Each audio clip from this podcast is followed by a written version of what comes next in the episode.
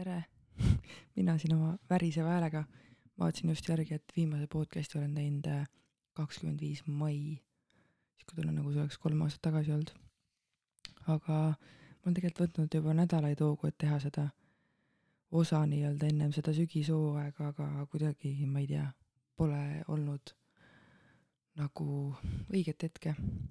aga ma ei, ma ei usu tegelikult, et praegult ka õige hetk on, sest äh, me oleme Liis Graniga kahekesi kodus ja ta on sellises äh, viiruses nagu mingi enteroviirus. ta on üleni ville täis, kärnas, äh, midagi süüa ei saa, hästi jonnine ja ärkab öösel sada korda, nii et äh, kui siin vahepeal kuskil mingit kisa kostub, siis panen reklaami pausi peale et ma poole kõrvaga kuulan, kas keegi kobistab üleval ja poolega kuulan, kuidas ma ise siin juttu räägin aga äge suvi on olnud, mõtlesin, et natukene pajatan sellest, sest ma mäletan, et viimane osa vist äh, jäi jutuga seal pooleli, et ma käisin konstellatsioonis Türi Lülle juures, aga siis oli see veel nii värske värk, et polnud veel päris äh, hea aeg nagu sellest rääkida, aga ma olen ühe korra nüüd veel käinud ja sellest ma täna ka kõigest räägin. et äh, mul on väike spikker ka tehtud siin, et mul oleks kronoloogilises järjekorras ikka kõik ja seesama, see konstellatsioon, äh, see esimene, kuhu me läksime siis Heigoga nii-öelda paari suhte poolest, et äh, tegelikult nii palju, kui ma olen Heigoga kusagil käinud midagi nagu klattimas, siis tegelikult need asjad kuidagi alati rulluvad niimoodi lahti, et äh, tegemist on siis minu mingi jamaga ikkagi. Et noh, tema pole kunagi närvis ega ärevil, et me kuskile lähme vastuvõtule ja nüüd ma saan aru ka, miks ta ei ole, sest nagu polegi tema asi nagu närvi minna, mina olen alati närvis. see, need teemad on alati nagu minupoolsed olnud. ja ma läksin, läksime siis siukse nagu teemaga, et äh, kogu aeg on nagu selline nagu väike sein ees olnud minu, minu suhtes nagu siis nii-öelda Heigo poole pealt. et kui ma näiteks tahan ennast avada või talle rääkida midagi või küsida nõu, siis ma justkui nagu lähen selle mõttega ta juurde, et ma nüüd räägin, aga viimasel hetkel ma nagu mõtlen ümber, et ah ei, ma, ma ei räägi ikka, et ma ei hakka nagu, et nagunii, ma ei tea, ta ei mõista või, või noh, mis iganes, mingi eelarvamus. ja siis mul jääb see asi nagu rääkimata ja see lihtsalt jääb ketrama mu sisse. ja ma arvan, et see on tegelikult olnud mul terve elu. mitte ainult paarisuhetes, vaid ükskõik mis, mis suhetes, sõbrannasuhetes sugulastega mingites nagu suhetes, et see iseendas hoidmine, endasse kogumine, et ma olen endale nagu kõva karuteene sellega teinud.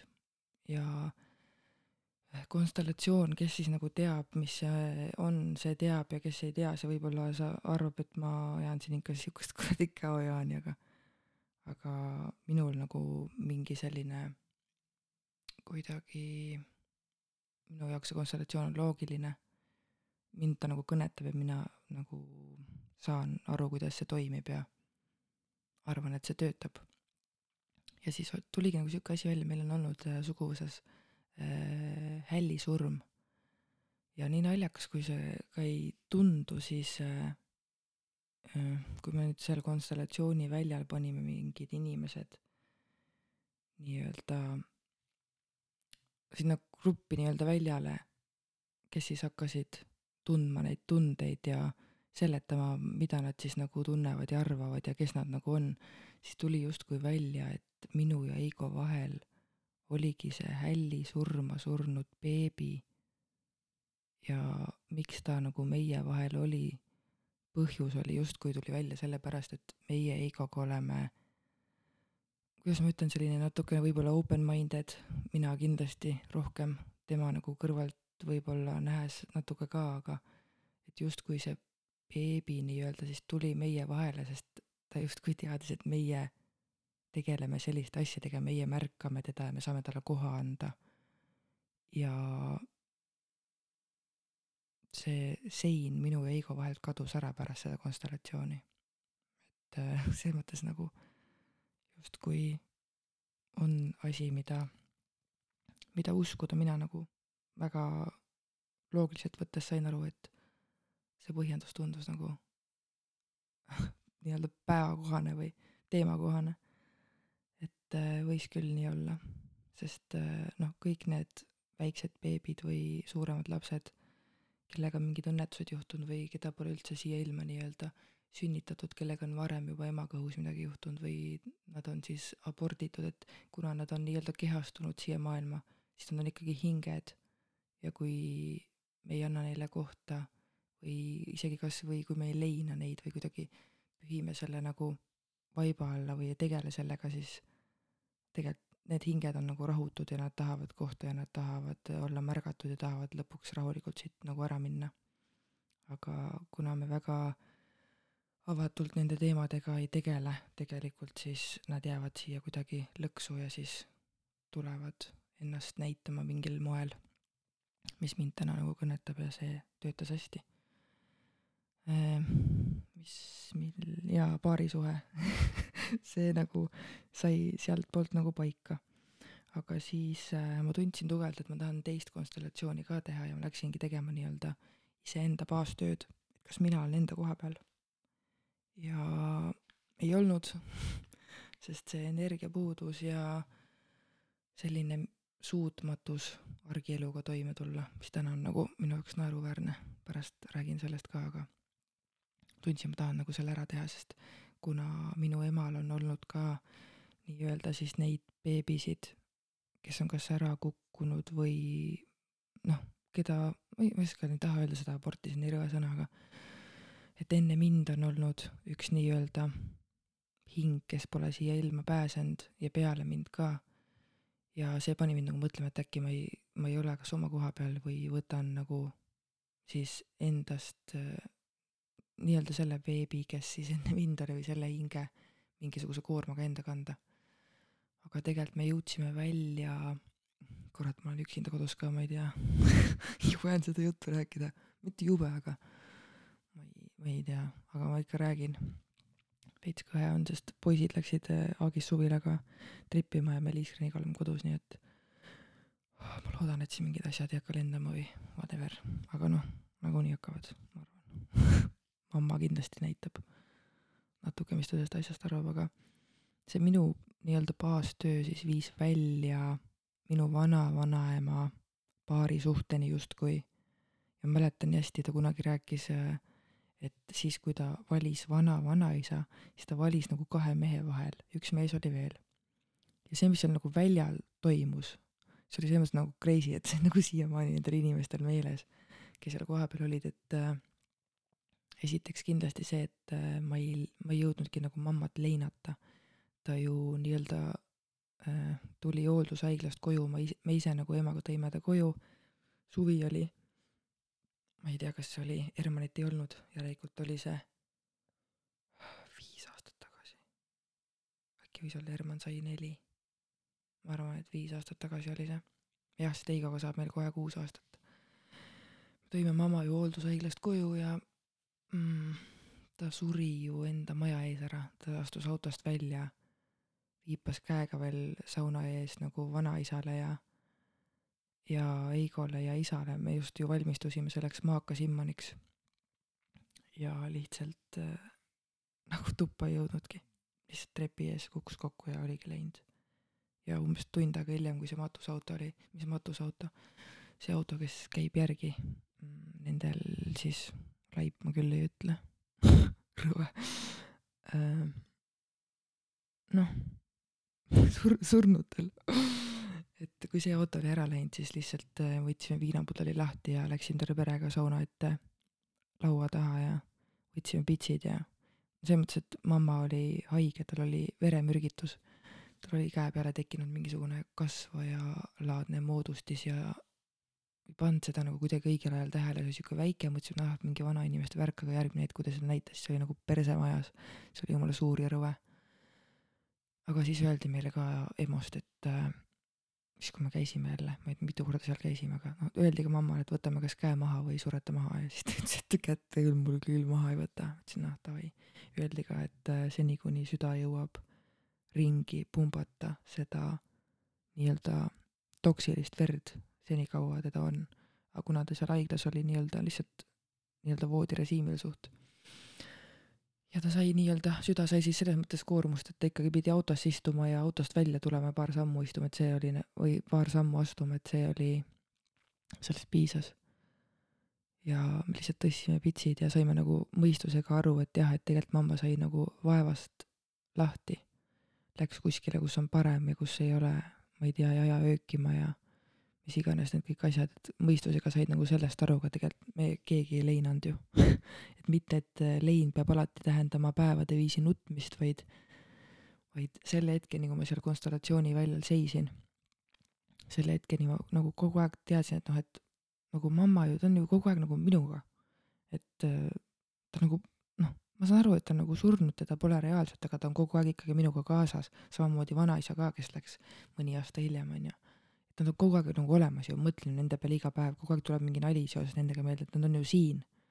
aga selle konstellatsiooni väljal ma sain aru, et tegelikult ma pole nagu neist lahti lasknud, ma olen lihtsalt vedanud neid nagu nii-öelda kaasas.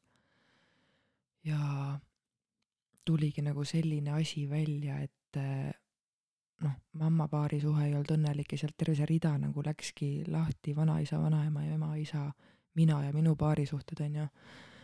et tegelikult justkui tuli välja, et mamma süda tahtis valida seda teist meest, aga ta valis ikkagi vana-vanaisa. ja vana-vanaisaga tegelikult ta nagu ei olnud õnnelik ja kui ma nagu mõtlen tagasi ka sellel ajal, kui minu mamma oli noor, siis nagu vapsee ei räägitud omavahel mingitest asjadest nagu null.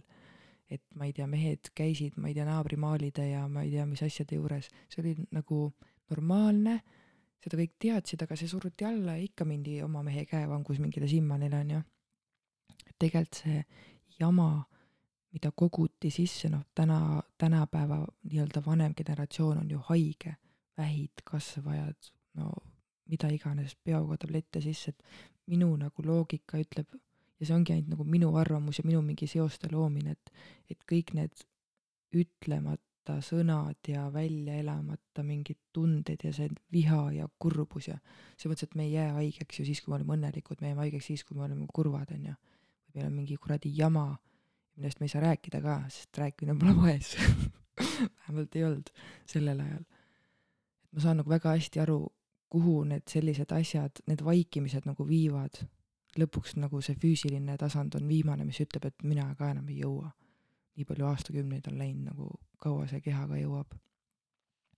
ja ühesõnaga siis tuligi nagu justkui välja, et mamma tegelikult südamega tahtis seda teist meest valida.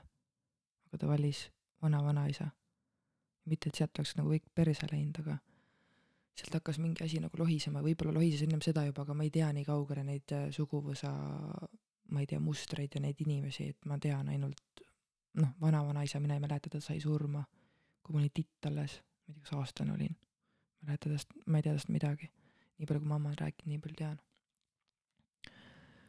aga see kuidagi, see konstellatsiooni väljal, mis seal oli, ma nutsin nagu nuuksudes ja lihtsalt pisarad voolasid ja inimesed nutsid koos minuga seal, sest see oli tõesti, see oli kuidagi nagu nii tiip ja selle, noh, seda, see, see oli nagu vaja kuidagi tuua nähtavale, et lõpuks saaks see nagu kuidagi, ma ei taha öelda nagu kaelast ära, aga et see saaks nagu minna ja elada nagu minust eraldi see teema ja see lugu ja see asi üldse et see oli mul kogu, kogu aeg aastaid nagu kaasas. ja mis siis pärast seda konstellatsiooni muutus? ma jäin samal õhtul haigeks, esmaspäeval see oli, ja reedel mm, panin lapsed lõunaunne ja olin voodis, tundsin kuidagi, ma ei tea, siit on all nagu. ja lihtsalt kuidagi mõttes ütlesin endale, et äkki mul on depressioon. siis mul nagu keha ütles täiega üles, mul oli nii halb olla, ma ei saanud jalgu alla mul nagu pea käis ringi, süda puperdas, see oli füüsilises mõttes nagu väga rõve. noh, null voodist välja ei saa, ei taha mitte midagi teha. ei taha isegi pesema minna, lihtsalt ei jaksa, mitte midagi teha ei taha. lihtsalt ma vedelesin voodis, lapsed, ma ei tea, mängisid omaette, nii palju kui oli vaja, ma ikka nagu käisin ja aitasin, aga see oli crazy. Ja see nagu see depreka ja ärevuse värk, see jõudis mulle kohale siis reedel.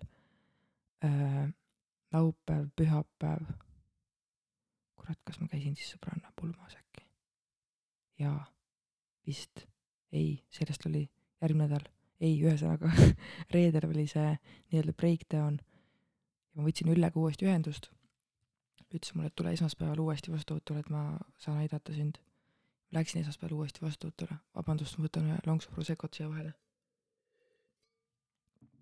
Läksin Ülle vastuvõtule esmaspäeval individuaalselt nagu ja ta siis nii-öelda nagu konstellatsiooni väljal tehakse, võttis nagu minu seisundi endale üle, seletas mulle lahti, mis see on, et nüüd ongi depressioon, see depressiooni mõiste mul nagu justkui tuli ja see lõi selle kaane pealt maha, aga seda depressiooni nagu päris sellena ma ei tundnud, vaid mul justkui oli, oligi nagu ärevushäire, mis jäi. kogu aeg oli nagu paha olla, kõik need nagu reede, laupäev, pühapäev, esmaspäev. Et mul on olnud ka paanikahood kaks korda, aga see on see hoog, et see tuleb ja see läheb ära, aga see ärevus nagu jäi. See oli hommikust õhtuni nagu seesama tunne, aga nii naljakas, mul oli tegelikult kokku see neli päeva siis või. sest esmaspäeva õhtul ma läksin uuesti Ülle juurde, siis ta võttis nagu minu seisundi endale üle, protsessis selle läbi ja andis mulle siis tagasi. Ja kui ta selle lõpetas, siis tuli just üks äh, äh kutt, üks ka, kes konstellöör nüüd täna on Tartust, üks Marko, kes käib ka Ülle konstellatsiooni õhtutel. ta tuli ja ütles, et kuule, et äh, mis teil siin toimub? ma rääkisin ära, siis kuule, aga mul on helikaus kaasas. et see mul aasta aega kuskil rendis olnud, aga võtsin lihtsalt kaasa, ma ei tea, et juhuslikult, et ma panen sulle selle helikausi. ja ta pani mul selle nagu siia, ma ei tea, kas selle kohta öeldakse päiksepõimik või siia kuskile rinnast allapoole, lõi selle nagu käima ehk siis helisema. ma tundsin nagu, kuidas, füüsiliselt tundsin, kuidas nagu selline nagu keeristorm minu seest oleks sinna kausi sisse kogunenud lihtsalt ja ma astusin sealt Ülle juurest välja ja pärast seda mul ei ole olla, mul ei ole olnud ärevushäireid.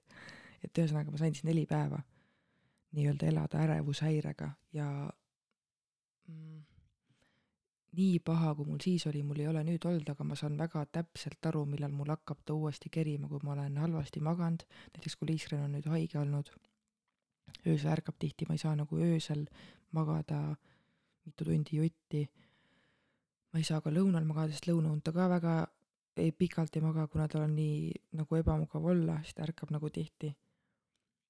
ja noh, eks ikka ta jonnib, siis nad Hermaniga kogu aeg kaklevad, et see müratase ja kõik, ma olen nagu sellele mürale pärast ärevushäireid hästi tundlik, et nii kui nad hakkavad juba kerima mingit kaklust, siis ma pigem lähen juba vahele, ütlen palun nagu lõpetage, et ärge hakake.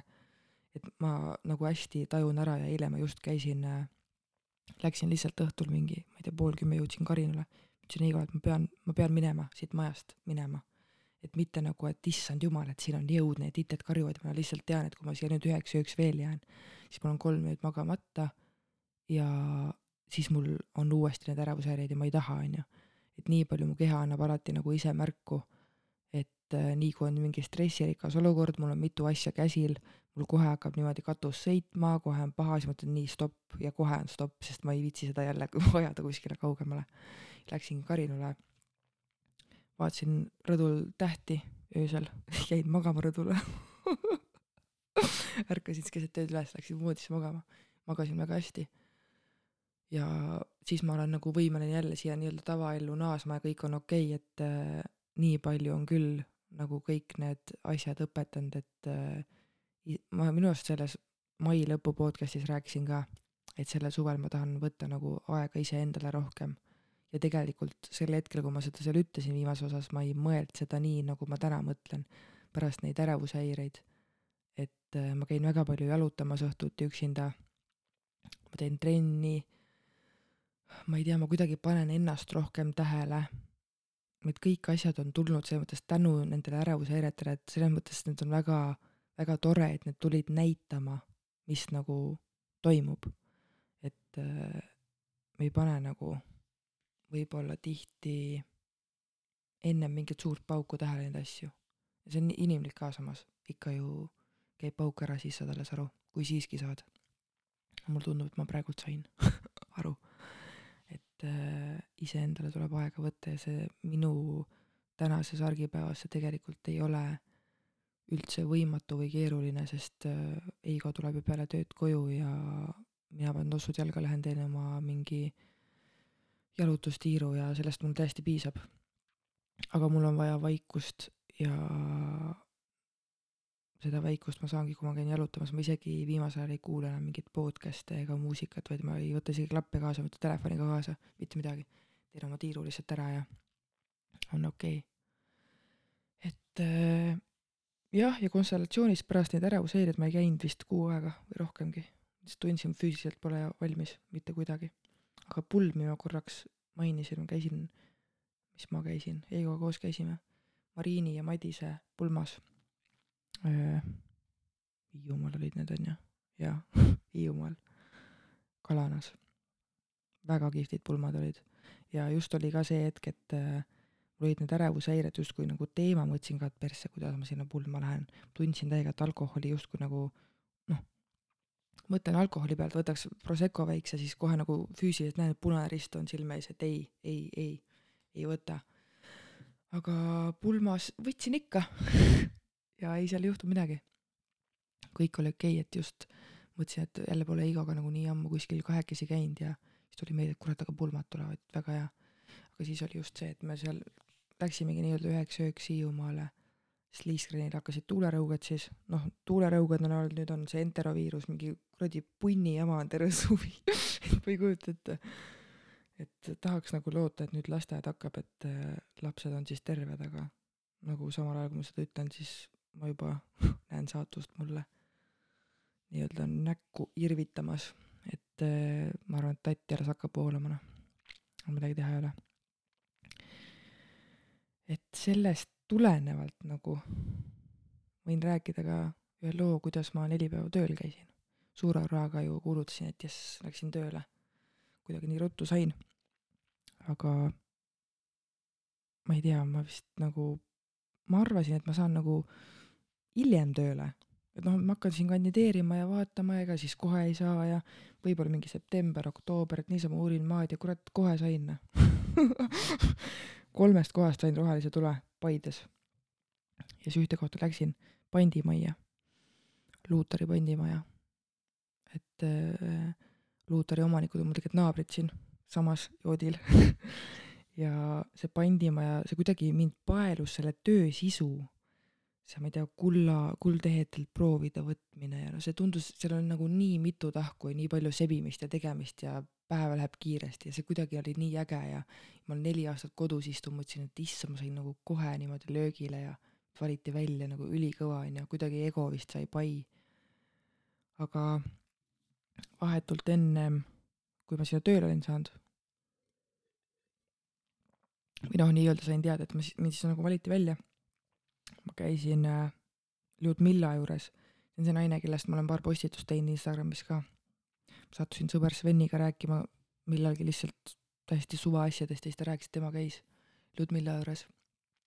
ja väga nagu pärast neid ärevushäireid väga täpselt kuidagi tajun, mis asi mind kõnetab, mis ei kõneta, kuhu ma tahan minna, kuhu ma ei taha minna, mida ma tahan süüa, mida ma ei taha süüa. tegelikult toitumise teema, see on küll eraldi teema. ma loodan, et mul ei lähe meelest ära lõpus rääkida sellest. aga käisin siis ka seal Ludmilla juures ja ma ei oskagi öelda, mis ta nii-öelda nagu ametinimetus on, mina tahan öelda talle energiaterapeut. sest ma läksin esimesele vastuvõtule mm,. ütlesingi, et kuidagi nagu endiselt nagu energiat pole või sihukest elurõõmu pole ja suhtes nagu ei ole ka seda sihukest täit selgust või vabadust või mingit kergust, et nagu mingi asi ikkagi nagu on kuskil kinni noh. ja ta tegi siis esimese seansi tegi niimoodi, et ma läksin massaažilaua peal pikali ja ta lihtsalt nii-öelda nagu mudis mu mingeid energiakanaleid lahti. ja kõik need punktid, mida ta puudutas, olid ülivalusad, mis justkui tähendas, et need on kinni. ütles, et südame, südameväravad on kinni, talle alt mingid punktid kinni, no nii kinni, kinni, kinni. ja ta ütles ka nagu, et äh, et on olnud mingi sõbranna, kellele ma olen hästi palju nagu enda osasid andnud ja tema osasid võtnud, et anna need nüüd tagasi võta enda osad tagasi, ta kuidagi nagu luges nagu nii selgelt, ma polnud nagu rääkinud mitte ühestki sellest asjast ja ta kuidagi no tekib kohe niisugune usaldusväärsus, kui inimene peab täppi, kes sind esimest korda näeb, on ju. ja pärast seda esimest korda, kui ma seal käisin, see oli nagu mega mingi vabanemine, et ma tundsin, et nagu muidu ma olen ju ema ja abikaasa ja noh, naine, see naise roll, mis peaks olema nagu number üks, ehk siis mina ise, see oli kuidagi, ma ei tea, jäänud kuskile maha minust kaugele. ja kui ma sealt Ludmilla juurest nagu tulin, ma lihtsalt nagu nutsin seal lõpus, ma nutsin vist terve kodutee ka, mul lihtsalt pisarad voolasid, aga mul, need olid õnnepisarad. et äh, selline nagu, selline nagu ärkamine, et aga mina olen ju ka olemas. ma olen ju ka siin, kogu aeg tegelikult siin olnud, aga ma pole nagu tähele pannud. et see nagu iseendaga sõbraks saamine või iseenda märkamine, see oli nagu, see tuli mul siuke tunne, nagu haamriga vastu pead saanud, et ma mõtlesin, et issand jumal, et ma justkui nagu olen ju kogu aeg olnud ja kõike teinud, aga aga pole kunagi pannud tähele, et mis mina tahan või mis mina soovin või kõik on nagu käinud alati läbi selle ohvri rolli ja läbi ego. Ja mida ma mitte kunagi polnud suutnud endale varem tunnistada, et mina olen ohvri rollis. sest ma olen alati tahtnud, et mind tehakse õnnelikuks, mind üllatatakse, mind viiakse, noh, kõike tehakse mulle, noh, et keegi tuleb ja teeb mu õnnelikuks, see klassikaline jama, mida nagu ei juhtu mitte kunagi. noh, lõpuni kindlasti mitte et sellest nagu aru saada, see oli hästi nagu kõva pauk ja sealt ma tundsin nagu väga palju muutusi ja ennem tegelikult juba, kui ma pandimajja tööle läksin, ennem seda kuidagi sattusin Kris Kalaga Instagramis lihtsalt saatsime voice message eid. kuidagi lihtsalt ütlesin ka, et kõik on nagu korras, aga ma ei saa sellest enda paari suhtest aru, et mis kuradi, ma hullult mässasin sellele vastu, kui ma käisin Elli ja Kristo juures, nad ütlesid, et, et äh, paari suhtes me oleme teineteise peeglid, siis mõtlesin, et ärge ajage mulle sitta, ma olen jumala normaalne inimene, mis kuradi peegel, et kui mina olen normaalne, miks siis tema pole, vaata?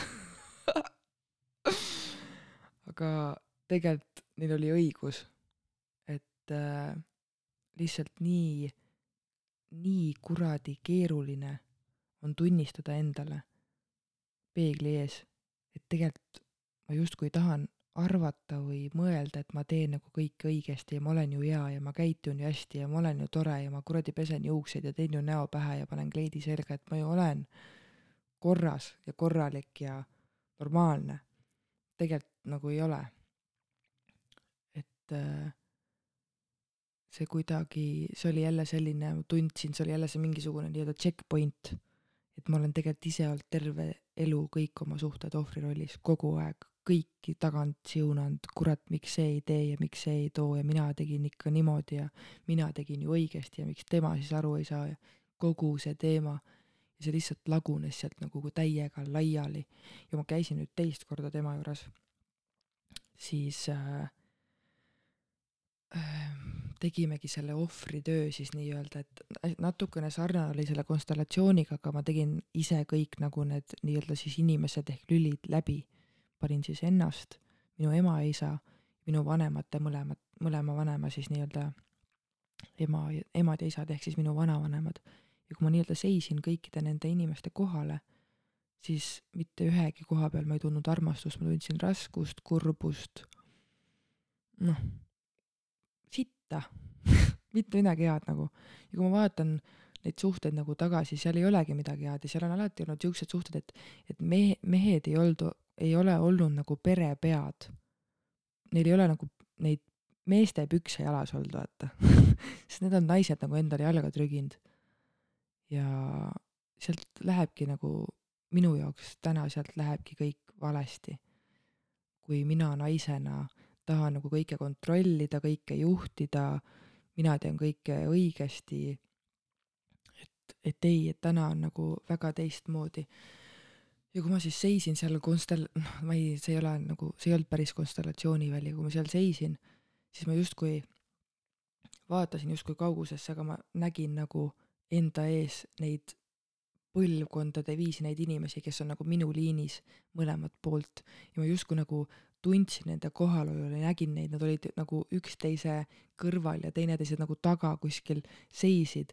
Nad olid nagu sellised tumedad kongus, küürus, kortsus, aga nad olid nagu rahul lõpuks.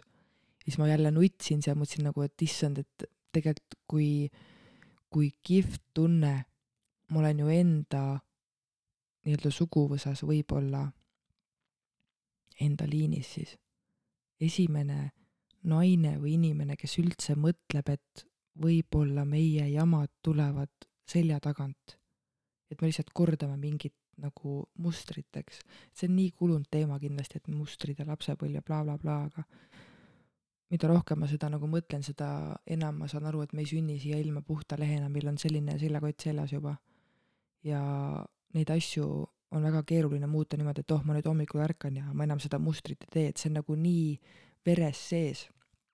et seda justkui peaks minema alateadvuses muutma, ehk siis noh, minu jaoks on täna see konstellatsioon niisugune väga loogiline teema, mida, mis, mis teed pidi minna siis kui sa lahendad nagu kusagil natukene endast kaugemal mingi asja ära, siis justkui sa lõikad selle köie läbi ja see enam ei tule sinuni.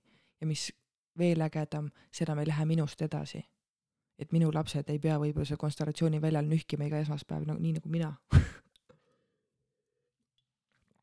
mitte üldse halvasti öeldes, aga kurat, sinna läheb ikkagi oma aeg ja oma vaev ja, ja ma ei saa nagu täna tegelikult öelda, et äh, ma olen nüüd selle enesearenguga ikka aastaid tegelenud ja see on niisugune raske tee olnud, et, et see avastus, et midagi võiks muutuda, tuli tegelikult äh, natuke vähem või rohkem kui aasta tagasi, eelmine sügis.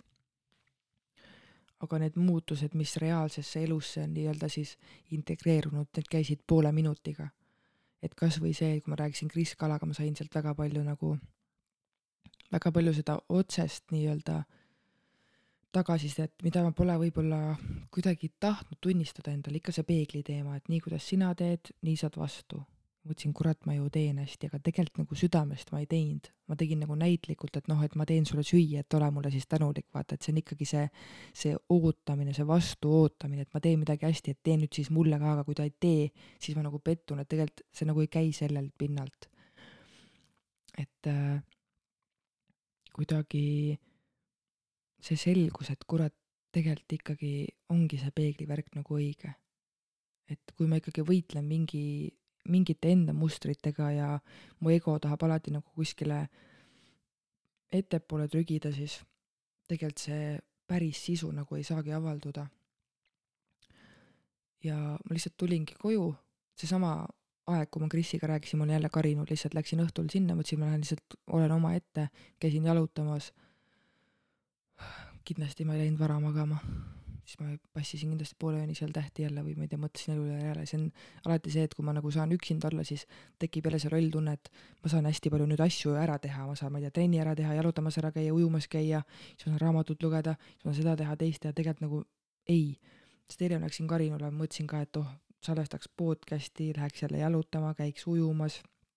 mõtlesin, persse, ma ei tee mitte midagi. lihtsalt polnud seda soolikat nagu salvestada eile. täna ma tundsin, et davai, täna ma küll salvestan. aga oligi niimoodi, et eelmine kord, kui ma Krisiga rääkisin, siis ma lihtsalt tulin koju ja võtsin Eigole ümber kinni, ütlesin, et äh, lepime kokku, et alates tänasest õhtust me käitume teineteisega nii, nagu me tahame, et meiega käitutaks ja kõik. ja see lause ja see kallistus võttis pool minutit. et ma ei saa öelda, et mul on olnud nagu pikad aastad enesearengut ja tööd endaga, et äh, ei, pigem see, see soigumine aastaid või aastaid, issand jumal, et ikka midagi peab muutuma, nii raske on ja ma tegelen enesearenguga, see on lihtsalt olnud ühe koha peal seismine. et see muutus käib lihtsalt niimoodi, et ma mäletan nii hästi, ma lihtsalt tundsin seda tunnet, võtan selle vana plaadi, mis mul on kedranud peas kõik need aastad ja terve mu elu, ma lihtsalt võtan selle välja, viskan aknast välja ja panen sinna uue puhta plaadi asemele ja hakkan sinna looma uut. ja see ei võtnud kaua aega ja see klõps käiski. et mul ei läinud nagu muhvigi raha selle peale ja see Ludmilla on mind nagu väga palju kuidagi aidanud hästi kiiresti, et need mõlemad vastuvõtud on hästi palju andnud ja ma lähen septembris veel. et äh, kuidagi sealt nii kiiresti saad mitte nagu lahenduse, vaid sa saad nagu selle mingi selguse, et kurat, et tegelikult ongi nagu niimoodi olnud. et see on mulle nagu väga meeldinud ja, ja praegult see koht elus, kus ma olen, mulle nagu väga meeldib.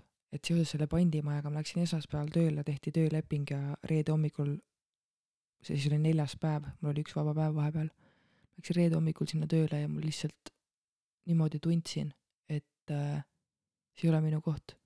esmaspäeval läksin tööle, teisipäeval käisin Ludmilla juures, kolmapäev, neljapäev käisin tööl, reede hommikul läksin, mõtlesin, ma ei tunne ennast siin hästi.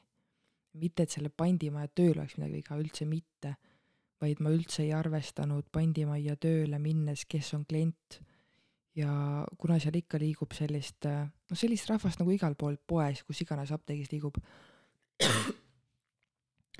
ma kuidagi ei arvestanud, et seal võib juhtuda nagu äh, alkoholi tarvitanud inimesi, keda tuleb teenindada või noh, üldse selliseid, no ega rikkad inimesed ei käi pandimajas, neil ei ole nagu vaja seal käia, seal on ikkagi selline nagu raske õhkkond ja sellega ma üldse ei arvestanud, kui ma sinna üldse tööle kandideerisin. ja seda raskust, no mulle öeldigi kohe nagu vestlusel, et seda ei tohi nagu iseendasse võtta seda me koju kaasa ei võta, aga ma polnud mitte kunagi arvanud, et ma olen empaatiline inimene. mõtlen, kui mul, ma ei tea, lapsed kukuvad põlved lõhki tänaval, siis ma lihtsalt vaatan nagu jumal küll kuidas sa näinud siis puudub nagu mingisugune see instinkt, et ma lähen nüüd päästma ja vaatan nagu no kurat, sul on kaks jalga all, kuidas sa siis ei näinud, et seal on mingi asi või lihtsalt nagu eye rolls aga, aga seal pandimajas ma tundsin, et ma nagu iman nagu käsn sisse seda raskust.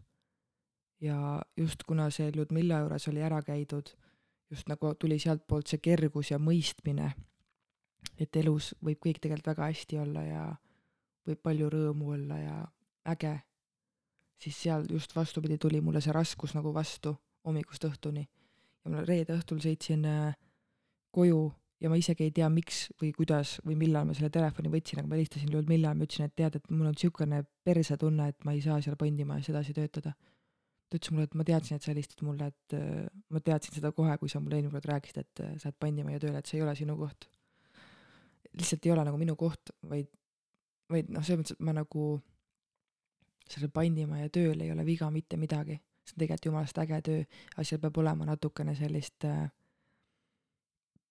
ma räägin, ma ei arvanud, et ma sihuke pehmo olen, seal peab olema sellist kuidagi, mitte kangust ka, aga ma ei tea, mis seal peab olema, see ongi see, et sa paned ukse kinni, lähed koju ja sind ei koti, mis päeval toimus ja kes seal käisid. aga ma ei tea, miks mina nagu jäin õhtul ikkagi veel mõtlema nende inimeste peale et ühesõnaga mu töösuhe kestis siis neli päeva. ei ole kunagi nii lühikest aega töölepinguga tööl olnud. Ja ei olnudki muud, kui ma lihtsalt ausalt läksin personalijuhi juurde, ütlesin, et äh, ma ei saa muud teha, kui olla aus teie vastu ja olla aus enda vastu, et äh, ei ole teil minust tolku, kui ma tulen hommikul tööle mõttega, et ma ei taha siia tulla. ja see, see nagu ei toimi, et mul ei ole mõtet käia katseaega ära või käia kuu aega õppimas ja siis öelda teile, et, et ma ikkagi ei taha, vaid mida varem, seda parem, seda vähem ma raiskan teie aega ja seda kiiremini ma võib-olla, kuidas ma ütlen, ma ei kogu siis kive nii-öelda enda mingile hingele või et ma, ma nagu ei lähe vastu enda tahtmist, sest oih, alkoholijoobes äh, inimestega mul on nagunii olnud elus omajagu nagu tegemist, et äh, see on ka selline, täna ma tean, et liigne alkoholi tarbimine on armastuse puudus, sellepärast inimesed seda võib-olla teevad. Täna ma saan sellest nagu väga hästi aru. aga kui ma olin väike, siis ma ei saanud sellest aru. see kuidagi on oma mingi templi jätnud ja kui, kui sinna pandimajja tulid sellised natukene svipsis inimesed, siis see kuidagi käivitas mul kohe mingisuguse nupu ja ma saan aru, et klienditeenindajana mul tuleb nendega viisakaks jääda ja siis ma seal tundsingi seda nii-öelda, seal olid need käärid minu jaoks, et klienditeenindajana ma pean olema viisakas inimesega, kelle puhul näiteks kui ta tuleks mulle tänaval vastu, ma keeraksin selja ja läheksin edasi, et ma ei tegeleks sellega, siis mul tekkis see nii nagu raske tunne, et ma ei saa seda iseendale lihtsalt teha. see tundub võib-olla naeruväärne seletus, võib-olla isegi tööandjale tundub see mõte, et mis kuradi jama see on, lihtsalt tee tööd ja mis seal ikka on, aga aga ma ei saanud muud teha, kui lihtsalt iseenda kehakeelt tunnetada ja mõista lihtsalt ennast ja mõtlesin, et ju siis, ju siis ma ei ole valmis. Võib-olla ma ei ole, mitte isegi ei ole asi selles, et kas ma olen valmis, vaid võib-olla lihtsalt täna enam klienditeenindaja töö ei sobigi mulle, sest ma olen seda teinud ikkagi valdav osa elust. ja nooremana oli see nagu kuidagi savi ühest kõrvast sisse, teisest välja, aga täna see on nagu teistmoodi, et täna see, et tee seda, mis sulle meeldib, see on nagu ikkagi nii otsene, et nii kui nagu keha või mõte ütleb, et kurat, see ei ole mulle, siis ma ei hakka seal isegi mu mõistus, ma ei lase isegi mõistusel hakata ennast ümber veenma, et ei, tegelikult mul on vaja ja sinna saab ikkagi palka ja ma pean seal käima, siis see nagu pull jääb täna ära, sest ma olen, ma olen ikkagi nii vana juba. et selle poole pealt äh, jah, ma olen töötu jälle, aga ma olen väga nagu rõõmus selle üle, sest see neli päeva pandimajas õpetas mulle rohkem, kui ma arvan, ma olen terve elu jooksul õppinud iseenda ja mille iganes kohta, et äh, see õpetas mulle seda, et selline klienditeenindaja töö ei sobi mulle, kus ma pean tegelikult olema viisakas kuskile maale iga inimesega, kes saadab mind perse, kes, ma ei tea, tahab mul kätt püksi panna, ma ei tea, kes ajab külge, kes mõnitab, noh, sa pead jääma ikkagi nagu normaalseks, sa ei saa seal samamoodi vastata selle, sellele. aga kurat, mõte läks sassi. jaa, mida ma õppisin seal? Ma õppisin ka seda, et kuna just on see aeg, kus Liiskren nii-öelda nii siis harjutab lasteaeda, kuigi noh, nüüd ta ei harjuta, sest ta on Kärnas siis mul nagu tekkis sihuke stress, et kuna noh, ikkagi iga päev oled tööl siis kes teda sinna lasteaeda nagu harjutab, et ta ei harju ju kahe nädalaga, et Eigo võtab puhkuse ja kaks nädalat viib ja siis on nagu kõik, on ju. ma tunnen talle, et Liisgreni puhul see ei lähe nii libedalt kui Hermaniga, Herman oli poogen nädala ajaga nagu davai, tšau, ära emps mulle enam lõunal siia järele tulema on õhtuni.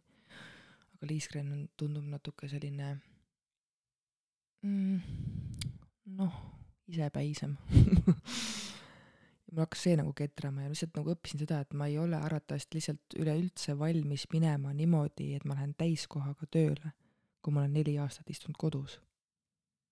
et äh, see on hästi suur muutus ja mina nagu täna tunnen, ma vajan küll pehmemat üleminekut.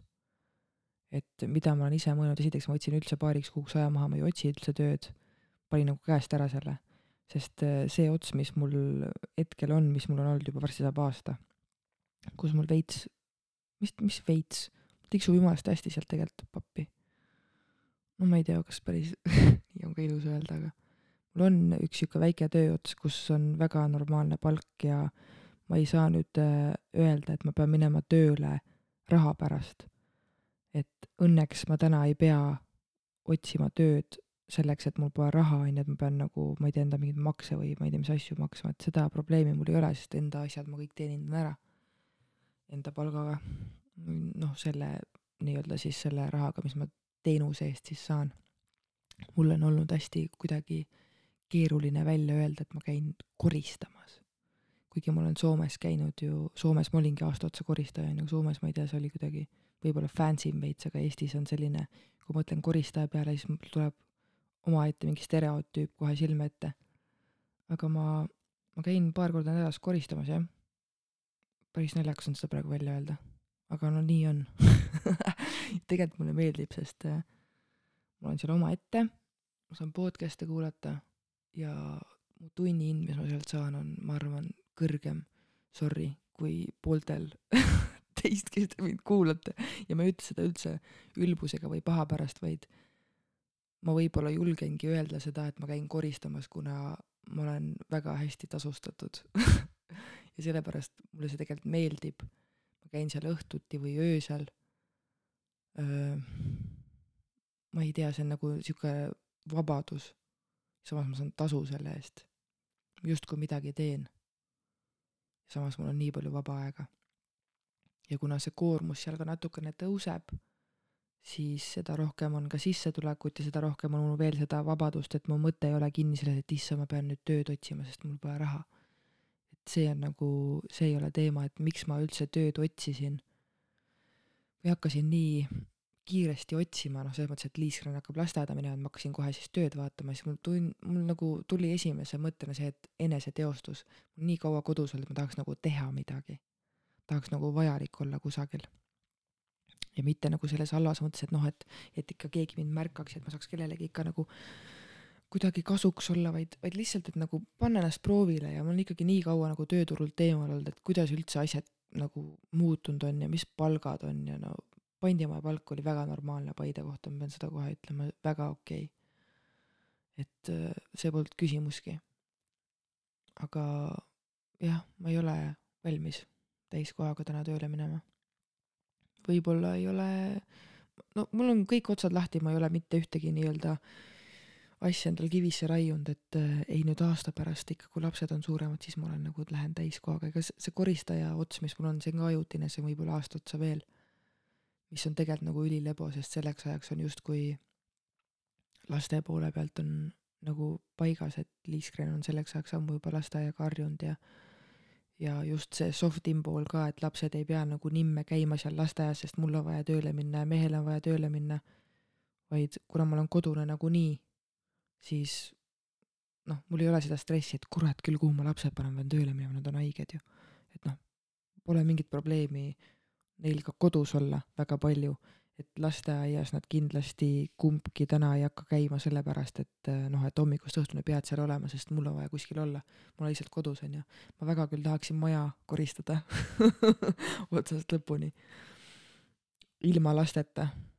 et eh, seda ma nagu küll ootan, aga mul ei ole seda stressi, et äh, issand, kuidas see Liiskren sinna lasteaeda jääb, et ma pean ju tööl olema.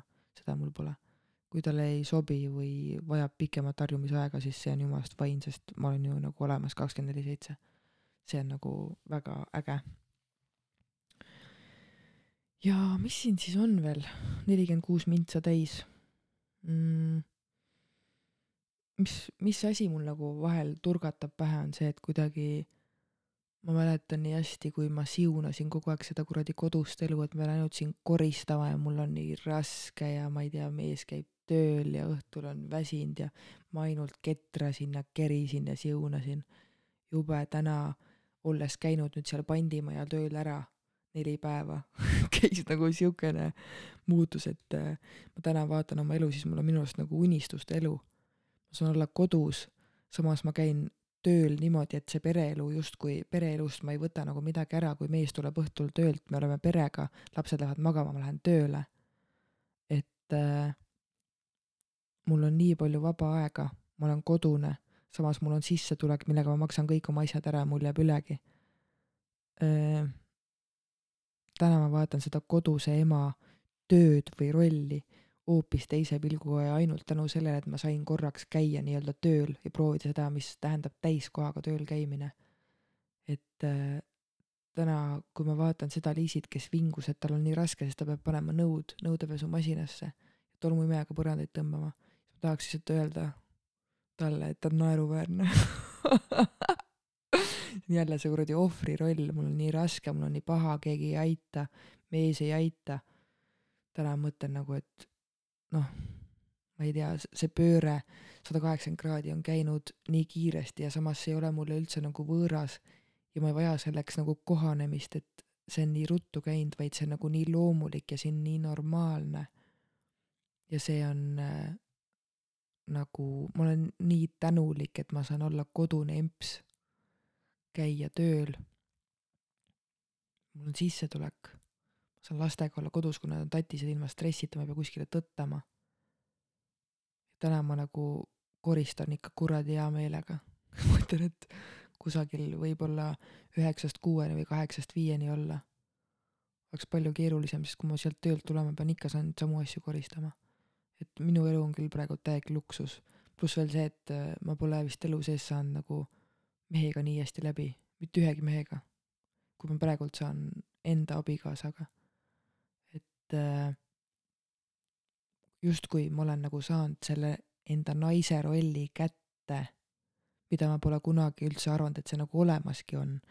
ja kui see täna nagu on olemas ja ma vaatan oma mehele alt üles nagu nagu peakski vaatama, ma vähemalt ise arvan, et see suhe saab, paarisuhe saab toimuda ainult siis, kui ma ei taha võib-olla öelda, et mees on naisest peajagu kõrgemal kohal, aga ma nagu tunnetan, et, et, et mees saaks olla perepea, ta peab nagu olema mitte must pikem, mitte selles mõttes, aga ma pean tajuma tema sellist äh, jälle üleolek on vale sõna, mitte üleolek, aga kindlasti saate aru, mida ma mõtlen. et ma pean tundma, et kui mul on nagu probleem, siis tema on see koht, kelle juures mul on nagu turvaline ja tema nagu aitab ja tema kaitseb, mitte ma ei tee kõike jälle ise ära ja siis vingun, et kuradi mees üldse ei aita. et see etapp on minu elus nagu läbi ja ma nagu sügavalt tunnen, et see ei ole ainult see, et noh, et nädal aega on niimoodi nagu, et aa, teen toitumiskava nädal aega, et siis teisel nädalal enam ei viitsi vaata. vaid see muutus on käinud kuidagi nii sügavale ära, et sinna ei ole nagu seda tagasiteed enam. et loomulikult ma ikka tõstan kodus häält ja lapsed vahepeal ketr-, ketravad mul nagu üle, kole öelda, aga aga nad on kaua nagu kodus ka olnud, lasteaiast oli ju puhkus ja issand, ma hakkan jälle vist vinguma et loomulikult see ei ole nüüd siukene asi, et ma käin kogu aeg kuradi Glemmon tonni peal ja kõik on nii tore ja küllus ja nii tore ja äge ja et loomulikult eks siin argielus on ikka mingeid väljakutseid, aga need ei ole pooltki enam sellised, nagu nad olid varem. et see lihtsalt on see osa, mis kuulub täna argielu juurde. väiksed lapsed ja nendega kaasnevad mingid jamad, nad arenevad ka ju iga päevaga. Herman on juba väga suur poiss, tema noh, tema mingid killud, mis ta paneb, see on lihtsalt nagu ulme. Liiskren on selline väga peaga vastu seina raisk, aga mina teen ja mina tahan ja mina lähen. lihtsalt nagu vaatad, täna ma vaatan lihtsalt nagu naerul suvi pealt nende arengut ja seda, kuidas ma nagu varem läksin nii käima nende peale, mis tegelikult oligi see, et nad ju peegeldasid mulle mind, seda oli mul lihtsalt nii raske endale tunnistada, kui lõpuks nagu selle ära tunnistasid endale, siis oli kõik palju kergem ja on nagu kergem. aga aga mingi selline, see muutus on käinud jah, nagu nii sügaval, et äh, ma ei, ma, ma ei taha nagu ära sõnuda ja ma loodan, et see, et see tunne mu sees on õige, aga aga ma arvan, et sinna vanasse kohta nagu ei satu enam tagasi. muidugi never say never, eks kõike võib nagu tulla ette, aga aga kui see teadlikkus on juba nii palju suurem, et äh, kas või mingid needsamad asjad, mis mind kunagi täiega käivitasid, närvi ajasid, ma tajun selle hetke ära ja ma astun kohe sammu tagasi, ma ei lähe enam, seda tikku ei saa enam nagu põlema tõmmata, see ei lähe enam põlema. see on nagu noh, null, see ei käi enam niimoodi. et see, see, see tulekahju nagu, see ei lähe enam põlema. see, mis mind alati käivitas ja miks läksid täiega nagu närvi ja põlema ja noh, jube, et jube võis olla küll mu abikaasal mu kõrval olla kõik need aastat tõesti kohutav, kurat, nagu nii kannatlik mees. et äh, meil saab järgmine laupäev kuus aastat koos meie tutvusest nagu. ja öeldakse, ma olen kuulnud siukest lauset, et see seitsmes aasta abielus on nagu kõige raskem, see mingi murranguline. mulle tundub, et, et kuus aastat siiamaani on olnud nagu täis pasad aastad omavahelise läbisaamise mõistes, see, et pere on ja kõik see on nagu paigas, see on väga tore aga see omavaheline suhtlus ja läbisaamine, see on olnud kuus aastat jama. ja mulle tundub, et justkui me oleme selles staadiumis jälle, et me oleks justkui kohtunud need kuus aastat tagasi nagu puhtalt lehelt. et hakkame nagu uuesti nüüd teineteist tundma õppima sama rõõmsana ja sama värskena, nagu me olime siis. mitte nagu me olime siin vahepeal kuradi kortsus ja krimpsus ja küürus. et äh, kõik algab justkui nagu otsast peale ja see, see teadmine mu sees on nagu nii annab nagu nii palju energiat, et see on nii äge, et see selline nagu jälle armumise tunne enda mehesse, mida ma olen nagu arvanud, et ma olen ka varem tundnud, aga see ei ole ikkagi olnud see, see on kuidagi selline tahtmine olnud, aga sinna ei ole seda sisemist tunnet kuidagi jär-, kunagi järgi tulnud. et praegu ma tunnen, et see on täiega nagu ehe, et ma ei tea, me saadame sõnumeid päeval või, või noh, need, need muutused, mis on toimunud, need on muutunud või need on nagu juhtunud nii kiiresti siis ma lihtsalt nagu vaatan vahel kõrvalseisjana seda. mõtlen, kuidas see nagu võimalik on, aga see täpselt kinnitab mulle seda, et seda, mida sa annad välja, seda sa saad tagasi ka ja mul nagu väga hästi see praegult toimib, et nii palju, kui ma annan, ma saan alati tagasi. ja see kinnitab seda usku, et nii see elu nagu käibki. et äh, samamoodi, kui ma lähen poodi, ma tahan osta seda vorstirätti, siis ma ei saa seda ennem kätte, kui ma pean panema raha lauale. et mulle tundub, et paari suhtes see ülekantuna on see nagu täpselt seesama, et äh, mul ei ole mõtet oodata teiselt poolelt enne midagi, kui ma pole tema poole ühte sammu astunud või mitut. see täna tundub nagu nii loogiline, see teadmine oli mul kogu aeg, aga seda praktikat sinna nagu järgi ei tulnud mitte kunagi. et see on nagu küll äge. Ja toitumisest pidin rääkima, issand, mul varsti tund aega täis juba lobisenud siin. Toitumisest pidin rääkima, trenniga ma olen väga sina peal täna. Ja see liikumine, füüsiline pool, aga see toitumisega ma tunnen, ma olen täiega nagu ristteel, et äh, mingid vegan teemad mind, teemad mind jälle nagu kõnetavad, tundub loogiline, kuulan mingeid inimesi podcast'e, ma ei tea, saan nagu mõttest aru, et see plant-based on nagu kehale kõige loomulikum. Mingid päevad ma saan sellest aru ja teen selle järgi, teisel päeval mul jälle see, et ma ei tea, andke mulle liha noh. Tahan sepiku peale juustu panna, ma tahan võid ka alla panna, siis mõtlen nagu mida ma teen pärast, on jumala sitt olla, paha on olla reaalselt nagu füüsiliselt, tegelikult mul on piim, piimavalgu talumatus justkui diagnoositud. ma ikka seda võtan, ma teen selle sammu nagu ära, mul on paha olla, siis ma küsin nagu miks ma seda tegin. ma ei saa sellest keerisest veel nagu välja, aga ma ei pane ka mingit stressi peale, et ju see loksub ise paika, et ma justkui mingeid tibusamme kuskile poole teen, aga nii kui ma endale mingi ootuse panen, siis ma kukun läbi, nii et mul ootusi selles osas pole ainus, noh, see, ma ei saa öelda, et see ootus on siis jälle läheb pekki, aga et ainus selline võib-olla asi, mida jälgida, ongi lihtsalt oma keha jälgimine või oma keha kuulamine. ja selle oma keha usaldamine, et mida tema tahab või mis talle ei sobi, et need teadmised on mul jälle olemas, aga seda praktikat sinna järgi saada ei ole nii lihtne. Võib-olla see käib ka kunagi ühel päeval poole minutiga, ma ei tea võib-olla võtab see kauem aega, aga, aga vähemalt olen teel kuskile. ja uudis on veel see ka, et äh, kuu lõpupoole nüüd veel äh, ma teen ühe saate siis uue saatejuhiga, kes võtab mõneks ajaks selle podcast'i üle.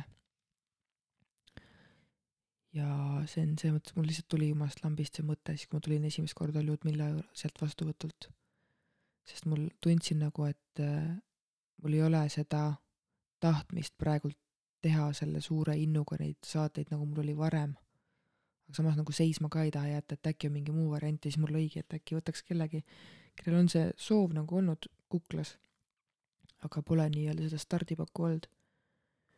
ja siis leidsingi ühe inimese ja temaga ma teen saate. ma siis teatan veel üllatuseks, kes ta on aga ta elab Saaremaal ja tal on põhimõtteliselt nagu mitu külalist juba olemas saatesse, pluss veel omakorda kaassaatejuht. et ma annan täiesti vabad käed inimesele teha seda podcast'i nii, nagu tema tahab, lihtsalt hetkel nagu minu podcast'i nime alt siis. ja kui kedagi veel kõnetab, siis võib minuga vabalt ühendust võtta, sest neid inimesi oli omajagu, kes tahtsid, aga eks see võtab ikkagi omajagu ka aega elust, see podcast'i tegemine. et siin niisama lobiseda on jumalast äge, aga need nagu ajad kokku leppida ja inimesega kokku saada ja kõik see, et see võtab ka omajagu aega. ja seda võib-olla noh, inimesed tunnetavad ka, et pole veel valmis, samamoodi nagu mina tunnetan mingeid asju, mille, mille jaoks ma ei ole valmis või mis veel ei kõneta. et see on kõik nagu okei okay.. Aga üks inimene tuleb jah temaga teeme siis sissejuhatava saate ära ja tema alustab sügisel siis hooaega. ja mina olen vahepeal siin väga nii-öelda indu juurde saanud tegelikult, mul kuidagi tuli see tahtmine podcast'i teha, see tuli tagasi, aga ma tunnen, et siuksed paar järgmist kuud tahaks nagu soft imalt võtta ja siis on mul see pikk list inimestest, kellega podcast'i teha, kellega mul juba räägitud ja kes on nõus. et väga äge oleks sellises formaadis nagu naasta lihtsalt minna ja rääkida ägedate inimestega juttu ja kuulata nende lugusid. et jube kihvt on tegelikult olnud see suvi oma raskuste ja kergustega. et äh, räägin justkui, et see suvi hakkab läbi saama, aga eks ta hakkab ka, sest kurat, kui ma lähen ikka kell kümme õue jalutama ja Paides juba anda neid tänavavalgustusi ka põlema, siis et ma ei tea, peaga vastu posti ei jookse kuskile. pime on ikka ja kui on ikka öösel juba pime, siis hakkab sügis tulema samas niisuguse pimedusega paistavad tähed jälle eredamalt, nii et eks seda on ka vaja.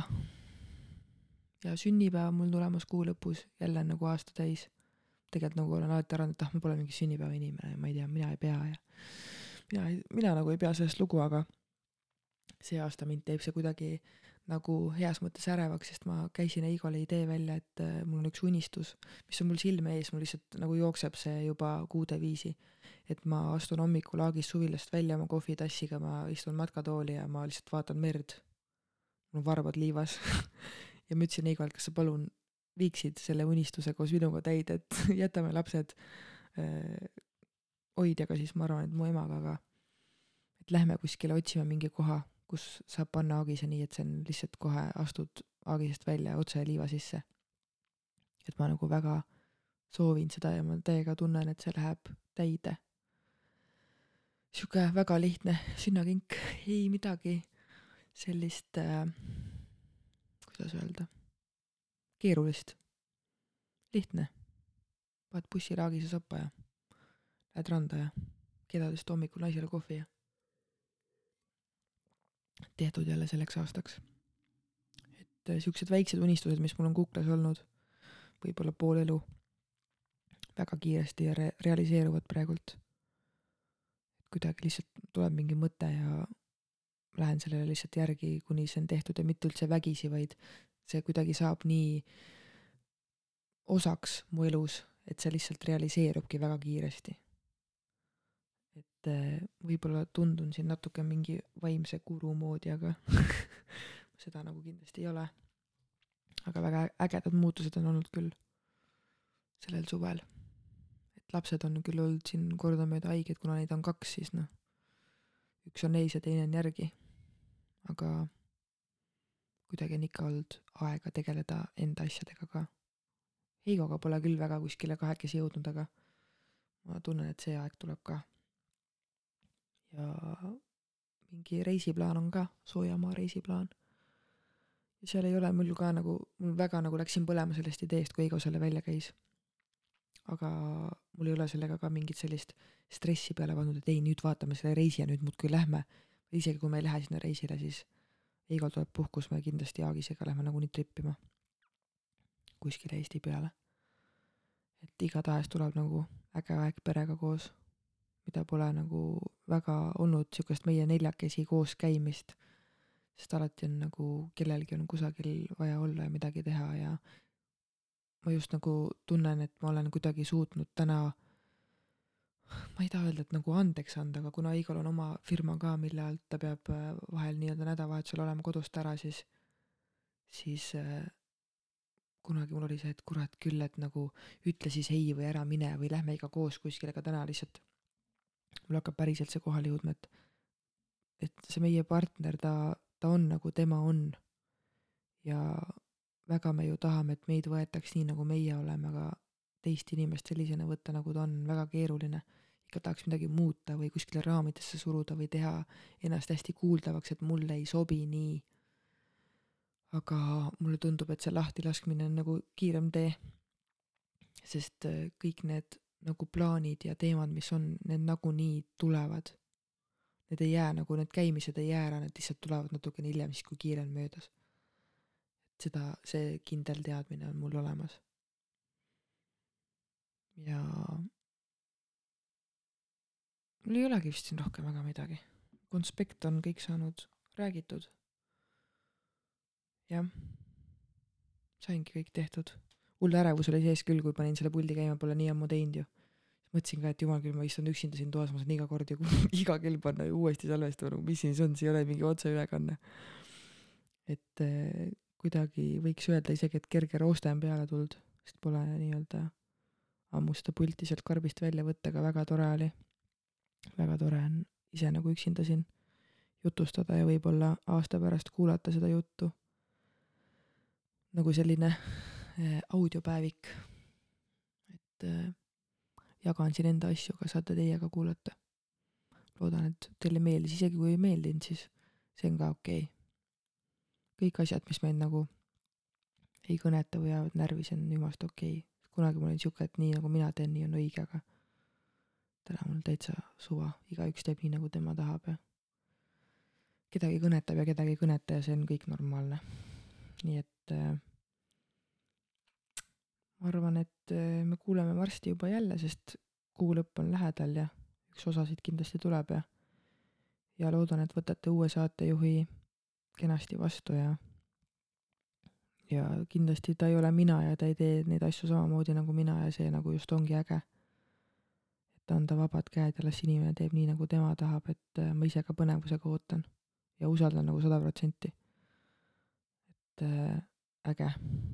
see, selle inimese peale hakkamine on juba imetlust väärt, nii et ma ei, ma ei kujuta ette, mis siin saama veel hakkab võib-olla mul polegi kurat kuu aja pärast enda podcast'i enam, see on kaaperdatud või hakkab siis inimene tegema näiteks iseenda podcast'i, mis on ka täiega normaalne. mul oli alguses podcast'i tegema hakates kogu aeg see tunne nagu kuklas, et tahaks ikka jõuda kuskile toppi ja et mind pandaks tähele, et ma ikka saaks palju kuulajaid, aga täna ma nagu lihtsalt tunnen, et ma teen seda, ma teen number üks seda ikkagi iseendale.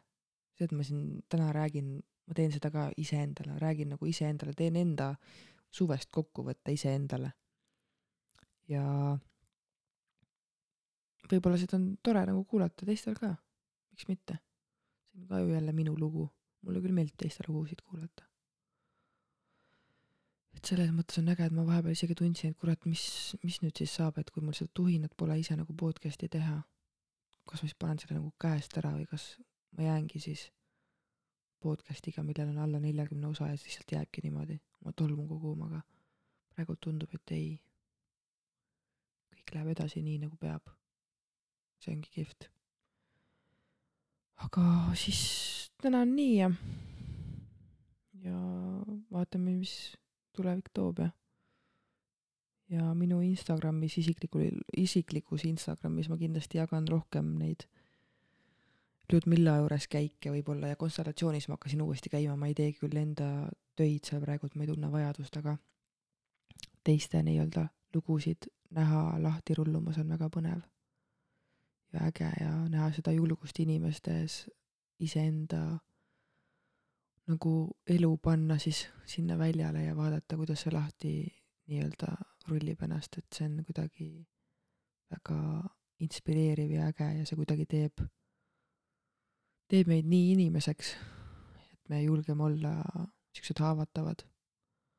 see tundub mulle lahe, et äh, ma ei tea, kindlasti kusagil on siiamaani moes see, see, et äh, kuidagi mulje jääb üks, et nii äge on ja nii hästi läheb, aga tegelikult see sisu on teine, et tegelikult nagu käärib. Aga seal konstellatsioonis nagu seal ei jää midagi varju. kõik sitt tuleb päevavalgele ja see on nagu nii inimlik. ja näha, et inimesed tegelikult ka soovivad nagu paremat elu ja midagi nagu muuta ja murda. see on nii tervitatav täna, et äh, me ikkagi nagu ei saa öelda, et me elame ühe korra, ma tean seda lauset alati, me, me sureme ühe korra, aga me elame iga päev et võib-olla see iga päev elamine, see ongi nagu see võti, et äh, iga päev on uus võimalus, mis on ka jälle nii kuradi kulunud mõiste, alati vaatan nii kulunud asjad ja siis ise räägin neid ju siis pole muid sõnu kokku võtmaks seda, mida ma öelda tahan, aga aga et tegelikult elu võib nagu väga äge ka olla. et ei pea olema raske ja keeruline ja see partner ei pea olema jobu. jube öelda küll, aga see kuradi enda peegelpilt ikka paneb paljugi paika, kui seda päriselt julged vaadata. et äh, vaadake. nüüd ma olen jälle siin nagu mingi õp-, õpetaja taha tegelikult õpetada ega nõu anda. tahan ainult alati enda nagu sellest vaatevinklist rääkida, aga ikka kipub niimoodi olema, et kuulge, vaadake, tehke, nähke, minge, kogege. tahaks lihtsalt, et teil läheks ka hästi aga vast läheb ka. aga ma ei venitasin seda lõppu pikemaks, ma vist venitasin juba omajagu. ei oska nagu lõpetada, pole nii ammu ju teinud aga jaa näeme ja kuuleme ja aa, oot-oot-oot-oot-oot, kaheksateist august Kiige talus Kristi Kirsiga teeme vestlusõhtu. Ja seal räägime, tema räägib oma deprekast ja mina räägin oma sünnitusjärgsest deprekast ja paanikahoogudest ja sellest samast ärevushäire teemast. et see on, see on ikkagi nagu kahjuks väga oluline teema täna, aga sellest küll räägitakse, aga ma näen, et ikkagi vähe, sest on, on inimesi, ma ei tea, oma arust tead nagu temast kõike, aga tegelikult võib-olla võitleb Debrega ka aastaid juba.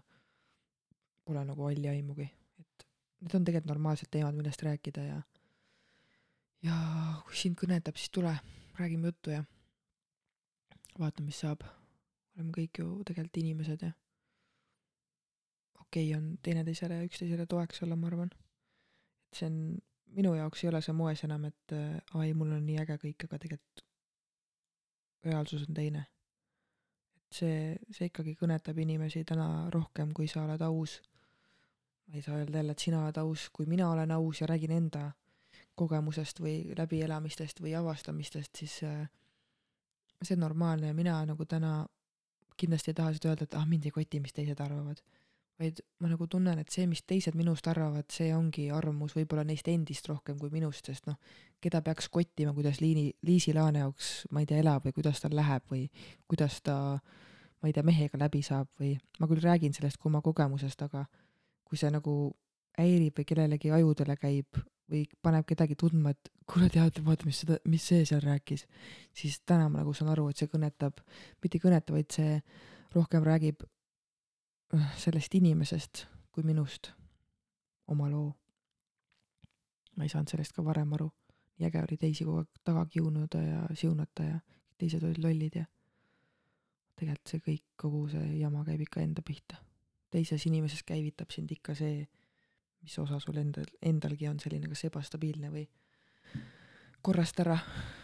et äh, iga kord, kui mul hakkab jälle kuskilt mingi mõte nagu tulema, et vaata seda või vaata, mis see tegi, siis ma saan aru, et ma räägin iseendast. mina lihtsalt loodan, et kõigil läheb hästi ja kõigil on äge elu ja isegi kui on raske, siis see on ka hea, sest kes tahab, see õpib sealt. ja kes ei taha, see sureb ära, sünnib uuesti, hakkab otsast peale ma arvan, et see on äge lõpp, on ju, saatele nii et ma üritan nüüd panna need klahvid niimoodi, et see saade ilusti lõpeb. ja kõik jääb kompaktne, nii et äh, soovige edu mulle, et vajutan õiget nuppu. tšau praegu